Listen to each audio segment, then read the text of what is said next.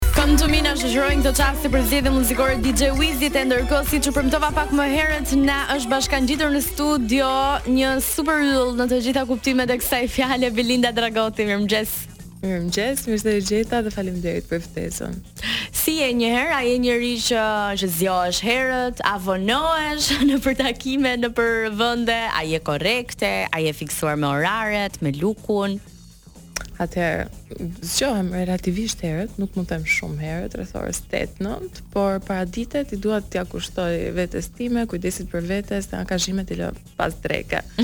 Dhe ka mundësin ta bëj këtë gjë. Mm -hmm. uh, pastaj me oraret nuk e kemi punën aq mirë sa duhet. më shumë e fiksuar se jam me oraret, jam me lukun, i kushtoj goxha rëndësi, Por që gjithashtu, normalisht mundohem të jem korrekte. Sa uh, kohë në ditë të merr paraqitja e jashtme? Imagjino ty që je natyralisht shumë e bukur, çfarë të duhet të bësh? Atëherë, te, tek pjesa e kujdesit për vetes, paraqitjes, do të fusja palestrën, gjë që është shumë e rëndësishme për mua dhe kujdesin për fizikun, gjë që më merr rreth 2 orë në ditë. Mm, pra ti stërvitesh çdo ditë nga 2 orë? Në palestër, katër herë n'javë, ndërsa në momentet që nuk mund të jem n'palestër, mundohem ta kompesoj me stërvitje në shpi, pilates, yoga, gjëra të tilla, gjë që janë dhe rutinë e paradites time. Mhm. Që mund të marri rreth dyzet minuta, një orë, po është diçka që nuk dua ta bëj kompromis në në përditshmëri. Pastaj tek pjesa e e bërjes gati, make-upin e bëj gjithmonë vetë, edhe më merr shumë pak kohë. Mm, e ke mësuar dorën. Po. Ke po, po. një make-up kryesisht. Merrem dhe me pikturë, kështu që më jepet goxha dhe në dalje televizive dhe në çdo, shumicën e rasteve e kam bërë gjithmonë vetë. Ah, mirë, po ti nuk është se ke dhe shumë nevojë në fakt që të lodhesh se të me një tag aty. Normalisht, po që është një proces që dua ta shijoj vetë shumicën e rasteve, i njoh ato tiparet e mia, nuk dua t'i ekzagjeroj shumë Dhe ia kam marrë dorën. A je njeri që të pëlqen uh, vetmia ose gjithë kjo koha jote, domethënë, i thua shoqërisë që shiko se nuk mund të dalim, se ke atë terezinë tënde dhe botën tënde. Më, më tepër funksionoj me agjendë dhe me orar, domethënë besoj që çdo gjë duhet të ketë kohën e saj, njeriu normalisht duhet t'i kushtojë kohë dhe, dhe vetes tij. Sidomos femrat, dhe tek pjesa e paraqitjes. Për mua është diçka e rëndësishme sepse është diçka që vendos mënyrën se si ti ndihesh dhe gjatë ditës mm -hmm. me mhm. veten tënde. E shikoj dhe në këtë aspekt, domethënë, jo vetëm tek pjesa se si perceptohesh dhe dukesh nga të tjerët, që prap ka rëndësinë e vet, po dhe se si ti ndihesh dhe prezantohesh në në punën dhe në përditshmërinë tënde. Ka ndikon në vetëbesim, patjetër. Nuk është po. vetëm për për të tjerët. Është ti si referohesh më pas. Mirë, e nisëm në këtë formë. Uh, duke qenë se duam të iniciojmë dhe donim të inicionim edhe temën që kemi mm -hmm. për sot, vajzat e bukura. Sa e vështirë është kjo lufta që t'ju ndryshosh uh, njerëzve mendjen, perceptimin, stereotipizimin dhe çdo gjë tjetër që ka të bëjë me krijimin e atij paragjykimi të madh që vajzat e bukura nuk mund të jenë të zgjuar ose nuk janë përgjithësisht. Po. Atëherë sa është e vështirë, është edhe një proces i bukur. Të paktën në mhm. gjykimin mm -hmm. tim personal. Unë e shoh si proces interesant sepse është diçka shumë e lezetshme në momentin që dikush vjen tek ty me një paragjykim, mm -hmm. me një kompliment dhe një paragjykim që bashkëngjitet me të, dhe më pas i thyhet paragjykimi në momentin që të njeh dhe shikon se si flet, shikon formimin tënd, shikon një pjesë të personalitetit tënd. Ty të ka ndodhur shpesh për shembull që njerëz të fushave të ndryshme të të kenë parë patjetër është e dukshme, një imazh shumë i kuruar edhe mjaft e bukur, por patjetër të jenë edhe me këtë bagazhin e paragjykimit. Dhe çfarë ka ndodhur kur i ke vërtetuar të kundërtën? Është diçka që nuk shprehet vokalisht, por është diçka që ti mund ta kuptosh edhe mund ta ndjesh në po, në momentin që ti prezantohesh me një person për herë të parë, qoftë në ambiente pune, qoftë edhe në aspektin personal. Por um, nuk besoj që duhet të jetë domosdoshmërisht diçka që ty të prish punë ose të të pengojë tek pjesa e prezantimit personal ose e brandit tënd personal. Ëm mm -hmm. um, nga ana tjetër paragjykimi nuk është kot. Paragjykimi ushqehet nga një stereotip, edhe stereotipi është goxha i përhapur dhe në disa raste është i vërtetë. Dhe ka mm. një arsye për këtë gjë. Shumica e femrave, unë kam thënë dhe disa herë të tjera, shumica e femrave që i shikojnë dhe i marrin benefitet e të qenit e paraqitshme, e bukur, simpatike, që në moshë të vogël stopojnë të investojnë tek intelekti i tyre, tek formimi i tyre dhe E përqafojnë stereotipin. E lënë me aq. Domethënë, mjaftohen, duke qenë se në një moshë të caktuar të hapen disa dyer më tepër mm -hmm. për hir të pamjes. Sepse është, pas... është diçka e lehtë, është diçka që ndodh natyrshëm. Pra, ato fillojnë të marrin këto benefitet dhe gjëja më e lehtë që njeriu orientohet që të bëjë është T'i lërë të tjerat sepse i duket sikur ia doli. Po sa do shkojë kjo deri 30? Se pastaj do ketë sërish 18 20. Ndoshta edhe më pak. Ndoshta edhe më pak.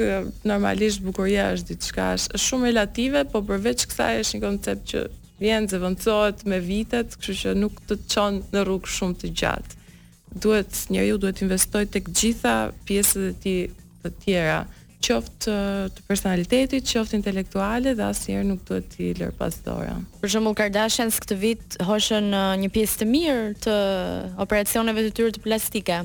Shkrin këtej, shkrin andej. Pastaj do ta quaja ke trendet, sepse sot trupi i femrës është bërë trend dhe është gjë shumë e gabuar. Pra, trupi që është kaq i shenjtë e konsiderojmë pjesë të trendeve. Një vit fryhen, një vit shfryhen, ndërkohë që duhet të fokusohen më shumë tek shëndeti dhe nëse duan të përmirësojnë pamjen e tyre, unë do t'i sugjeroja që të orientohen gjithmonë tek palestra, tek fitness, mund të arrijnë rezultate shumë të bukura dhe shumë natyrale dhe që duken akoma më bukur se sa këto modifikimet që bëhen jo për pjesën e pasigurisë dhe se janë të bindura, po i bëjnë sipas trendeve, trupi jonë nuk duhet të jetë një trend. Pra ti nuk është se je shumë pro operacioneve plastike dhe gjërave. Nuk jam pro operacioneve plastike në momentin që janë të ndikuara nga koncepte të jashtme. Pra, jo nga një pasiguri personale dhe kur je e bindur që do të bësh diçka për veten tënde për t'u ndjerë më mirë, por sepse pe një foto, sepse e bëri dikush tjetër, sepse po influencohesh nga njerëz të, të gabuar ose nga shembuj që sheh. Ndërkohë Bela ti je ende në të njëzetat e tua, kam përshtypjen nuk ke operacione. Jo, akoma nuk jam kundër nëse më vonë do doja që të ndryshoja diçka, por uh, gjithmonë për të mbajtur pamjen dhe fytyrën time, jo për t'u transformuar. Kjo është e vështirë pastaj, sepse once you go there, you never go back. Megjithatë, vetëm pas pak do të kemi edhe një pjesë tjetër të kësaj teme, sa e vështirë edhe e lehtë është njëkohësisht që pamja josh se të të hap dyer, por dhe të të mbyll dyer, por edhe të të hap probleme, mm -hmm. por sigurisht edhe për ato pyetje të shumta që qarkullojnë për Belën, a do të jetë apo jo në Big Brother VIP Albania 3. Në pjesën e tretë të programit, gjithashtu do të kemi edhe Beniadën, e cila na uron nga Italia, qëndroni me ne. Mirë, Bizarrap me Quevedo është një prej këngëve më të dëgjuara përgjatë vitit që lamë pas. E ndërkohë vazhdojmë bisedën me Bellën. A mund të të thërrasim Bella? Patjetër. si është ta kesh emrin në proporcion? Me imazhin. Falënderoj babin.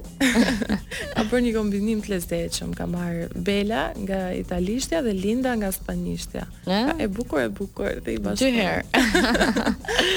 Më duket nuk i shkoi kot përpjekja. Mirë, por të qenurit e bukur dhe joshëse Bella. Ë uh, ty personalisht këto vite, domethënë duke nisur që nga Ermali, mm -hmm. asaj mhm. kohë se aty ishte dhe bumi yt. Po. Tani ndërkohë je te Rrethi katror, je uh, tek e diella mm -hmm. në mhm. përgjithësi edhe te trotuari, shpeshherë Uh, si të ka ndikuar hapja e dyerve? Unë pata një pauzë uh, pas uh, daljes time në Xing me Ermalin, angazhimet e mia nuk është se kanë qenë uh, shumë intensive në pjesën e televizionit, Dëgjon mirë me kufje? Po. Okay. Tani po. Tani po, okay.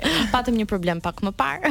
me kufjet e fikura, por s'ka gjë. na dëgjove ti, na dëgjove. Ishte imagjino, nuk të nuk të thoshte dot diçka. Kështu është po tonë gjë. Mhm. Siç po thoja, pas daljes te Kermali, unë isha vetëm 18 vjeç, ishte një bum, një vëmendje shumë e madhe Dhe si të thuash u mbusha me atë, që në moshë të vogël dhe nuk është se e kërkoja më këtë pjesën e famës, nuk mm -hmm. është se ishte një synim i imi kryesor. Dhe kam patur një pauzë nga televizioni për gati 3 vite. Tani është një rikthim i imi i vogël. Dhe me hapa të vegjël, po mundohem të rikthehem prapë sepse Ë, pse jo? Ë, Bella, pse nuk ke zgjedhur që, ok, pjesën e bumit e pate dhe ti e the edhe mhm. vetë që të ka lodhur aso kohë, ndoshta dhe e vogël dhe vështirësi në menaxhim. Jo, nuk është se kam patur vështirësi në në menaxhim, po thjesht projektet që më janë ofruar pastaj nuk doja që të ishin në të njëjtin form, të të njëjtit format ose të të njëjtës formë. Doja që të kisha një hapësirë që të kisha mundësi të shpreha edhe anë të mia të tjera, pra është gjithmonë ai roli që e ushqen atë stereotipin që sapo folëm më parë. Mm, okay, pra vazhdonin të ishin të njëjtat gjëra. Konkretisht, dhe pata një pauzë, jam marrë me gjërat e mia, bëra biznesin tim, u mm -hmm. fokusova ke qëllimet që kisha dhe tani jam gati që të jem përsëri aktive. Po. Unë do thoja që mm, nuk e ke parë ndonjëherë të nevojshme, për shembull, patjetër për për rritje më tepër klikimesh, për rritje më tepër të ardhurash, rritje më tepër të imazhit dhe çdo gjë të mundshme që të bëje ndonjë skandal, për shembull, sepse po të kërkosh për ty nuk është se nuk ka. dalin uh, afera korruptive. Nuk dalin për shembull uh, lidhje apo ngacmime me personazhe të njohur apo nuk dalin lajme të cilat të qarkullueshme mm -hmm. edhe për imazhe të tjera, për shembull apo vajza të tjera të bukura le të themi, kanë qarkulluar gjithmonë. Çfarë të ka shtyrë që të rrish larg këtyre? Um, përveç se të rri larg këtyre në aspektin uh, social edhe të plat promovimit të këtyre gjërave në platforma ose të skandaleve ose gjëra të tilla është edhe të rrish larg në jetën tënde personale. Domethënë mhm. mm -hmm. nuk ka të bëjë vetëm pjesa e titujve. Uh, pastaj nga ana tjetër nuk është se e shoh si mënyrën më të mirë për t'u për t'u ngritur. Unë nuk është se i kërkoj skandalet, titujt, vëmendjen, Domethënë, çfarë vjen, vjen dhe është organike. Unë kurrë nuk mundohem dhe përpiqem jashtë natyrës time që të marr vëmendje me zor. Po s'të kanë ardhur uh, as ty, nuk të kanë gjurmuar skandalet, se ndonjëherë nuk i dihet, të vjen nga nuk e pret. Të ka ndodhur për shembull ndonjë rast që mund të të kishte dëmtuar në karrierë, si i shmang këto raste?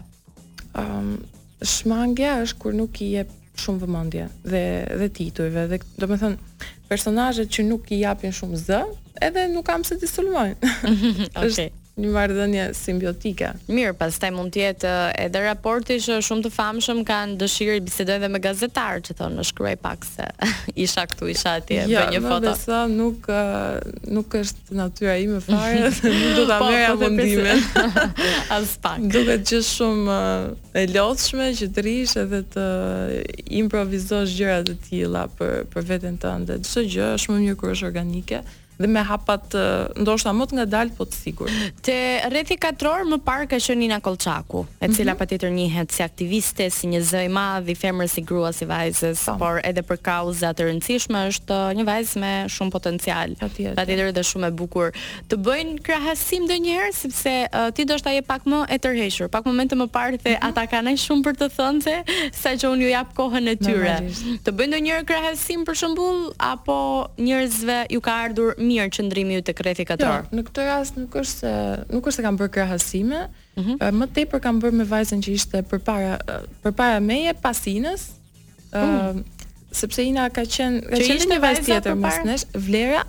Uh, uh, po, vajza nga Kosova. Nuk ka krahasime ah, me të se sa me Inën se Ina ka qenë më përpara. Mm -hmm. I vlerësoj shumë të dyja si opinionet e tyre, si çdo gjë tjetër dhe prezantimin e tyre në rrethin katror. Po nuk është se ka patur shumë krahasime me vajzat e tjera, pasi besoj që të treja jemi shumë të ndryshme në në shumë aspekte dhe japim nga një gjë ndryshe mm -hmm. në mhm. atë panel. Ne prapë kemi edhe një minutë. Mund të të pyes tani ose nëse do qëndrojmë në 12, mund ta ndash tani në këto sekonda.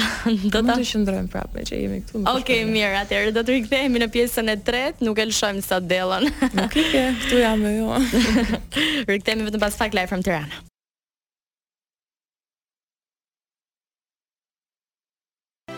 Mai dire mai nga Federica jemi kështu zyrtarisht në pjesën e tretë të programit. Uh, Bella e diti që ky është live from Tirana i fundit për 2023-shin. Wow, okay. Po, patjetër, kështu që të zgjodhëm. Por ne të zgjodhëm, por nuk di Se çfarë planesh dhe projektesh të kanë zgjedhur ty për 2024-ën ose deri në fund të 2023-shit, se ç'kemi marrë vesh jo dy gisht mjalt dyshi e jo aktrimi e ca lajme të tjera që do t'i diskutojmë, do jesh tek dy gisht mjalt dy. Patjetër. gjithë, mezi po e presim që të dalë, do mhm jetë një projekt boom, do habiteni kur ta shihni. Është në fakt eksperienca ime e parë si si aktore, sepse unë nuk është se jam aktore uh, profesioniste, por uh, me ekipin tonë ishte super e thjeshtë, më ka ndihmuar shumë dhe besoj që ka dalë diçka shumë shumë e bukur. Tani mund na zbulosh diçka se ku do konsistojë roli yt aty, sa t'i fusim xixat publikut të zbulojë shumë. Mhm. Mm Por roli im fut xixa. oh, Sa mund të themi? Bukur. Fut xixa dhe përçan. Dhe përçan, përça dhe sundo. A sundon? Në fund gjithmonë. po do kishte do kishte nevojë patjetër për pak sundime dhe për pak përçarje se nuk mund të shkojnë gjërat vaj gjithmonë. Normal. Mbaroi, mbaroi muaji i mjaltit, tani është pjesa tjetër. Mirë, um, ke patur marrëdhënie të të mira besoj me pjesën e kastit, Shermali, Elvana, je ndier. Po, po, me shumicën e e kastit jemi të familiarizuar, kemi qenë bashkë në projekte të tjera dhe kemi kaluar shumë mirë. Xhirimet janë bërë në Zvicër. Mhm. Mm uh, pjesa e e xhirimeve të mia ka qenë komplet në Zvicër dhe kemi kaluar shumë bukur. dy javë. Dy javë në mhm. Zvicër. Mm -hmm. Po uh, u kënaqët, dilnit ndopak apo kishit vetëm uh, punë? Ne ishim uh, të izoluar në një resort, ka qenë mm -hmm. në formë Big Brother, dhe çdo gjë është xhiruar aty dhe sezoni nuk ishte i hapur, nuk është se kishim shumë ku dilnim, kështu që me njëri-tjetrin gjithkohës duke xhiruar punë intensive, por dhe jemi kënaqur pafund. Atëherë, siç mund të keni parë dhe nga prapaskenat që janë postuar, që ka postuar Mali, Elvana dhe pjesa tjetër e kastit. Sa bukur e the dhe vetë si një formë Big Brother. Nuk e di të doli kështu në fakt por na dole në temë. Ë uh, ke qenë dhe vazhdon të jesh një nga personazhet ë uh, më të aluduar deri në këtë moment që flasim si e mundshme për t'u bërë pjesë e Big Brother VIP që fillon së shpejti. Tani na trego diçka, ka patur ftesa, ka patur, ka patur ftesa, ka një përgjigje, ka një mendim nga ana jote, sepse aktrimin po e provon kë. Edhe ajo është edhe një formë aktrimi. Sa do aktrimi si pjesë të Big Brotherit, apo jo? Patjetër si pjesë, por uh, të dish të luash me emocionet, me ndjenjat, ndoshta të shtypësh një pjesë të vetes për diçka tjetër. Është art më vete, mm -hmm. të, të kesh inteligjencën emocionale dhe të dish ta menaxhosh. Çdo vit fakt para kësaj periudhës që publikohen kush janë personazhet, është një zhurmë e madhe në rrjetet e mia sociale me njerëz që më nisin mesazhe, a do jesh, nëse s'do jesh të lutem bëu pjesë, të mhm. lutem mm -hmm. hyr dhe është çdo vit kjo gjë. Në fakt ka patur uh, ka patur ftesë uh, dhe në edicionet e mëparshme, mm -hmm. tek i pari uh, ka qenë mundësia që unë të isha pjesë dhe isha gati, por nuk u bë. Ëm, uh, gjithsesi është diçka që më duket mundësi shumë e mirë, nga ana tjetër më duket dhe thikë me dy presa, është për t'u menduar. Mhm. Mm Por mbetet projekti më i suksesshëm, një projekt shumë i bukur dhe jam e sigurt që të gjithë mezi presim që të fillojë. Nëse ti do bëheshe pjesë, nëse vendos, çfarë mendon që do t'i jepje Big Brotherit? që do t'i jepja.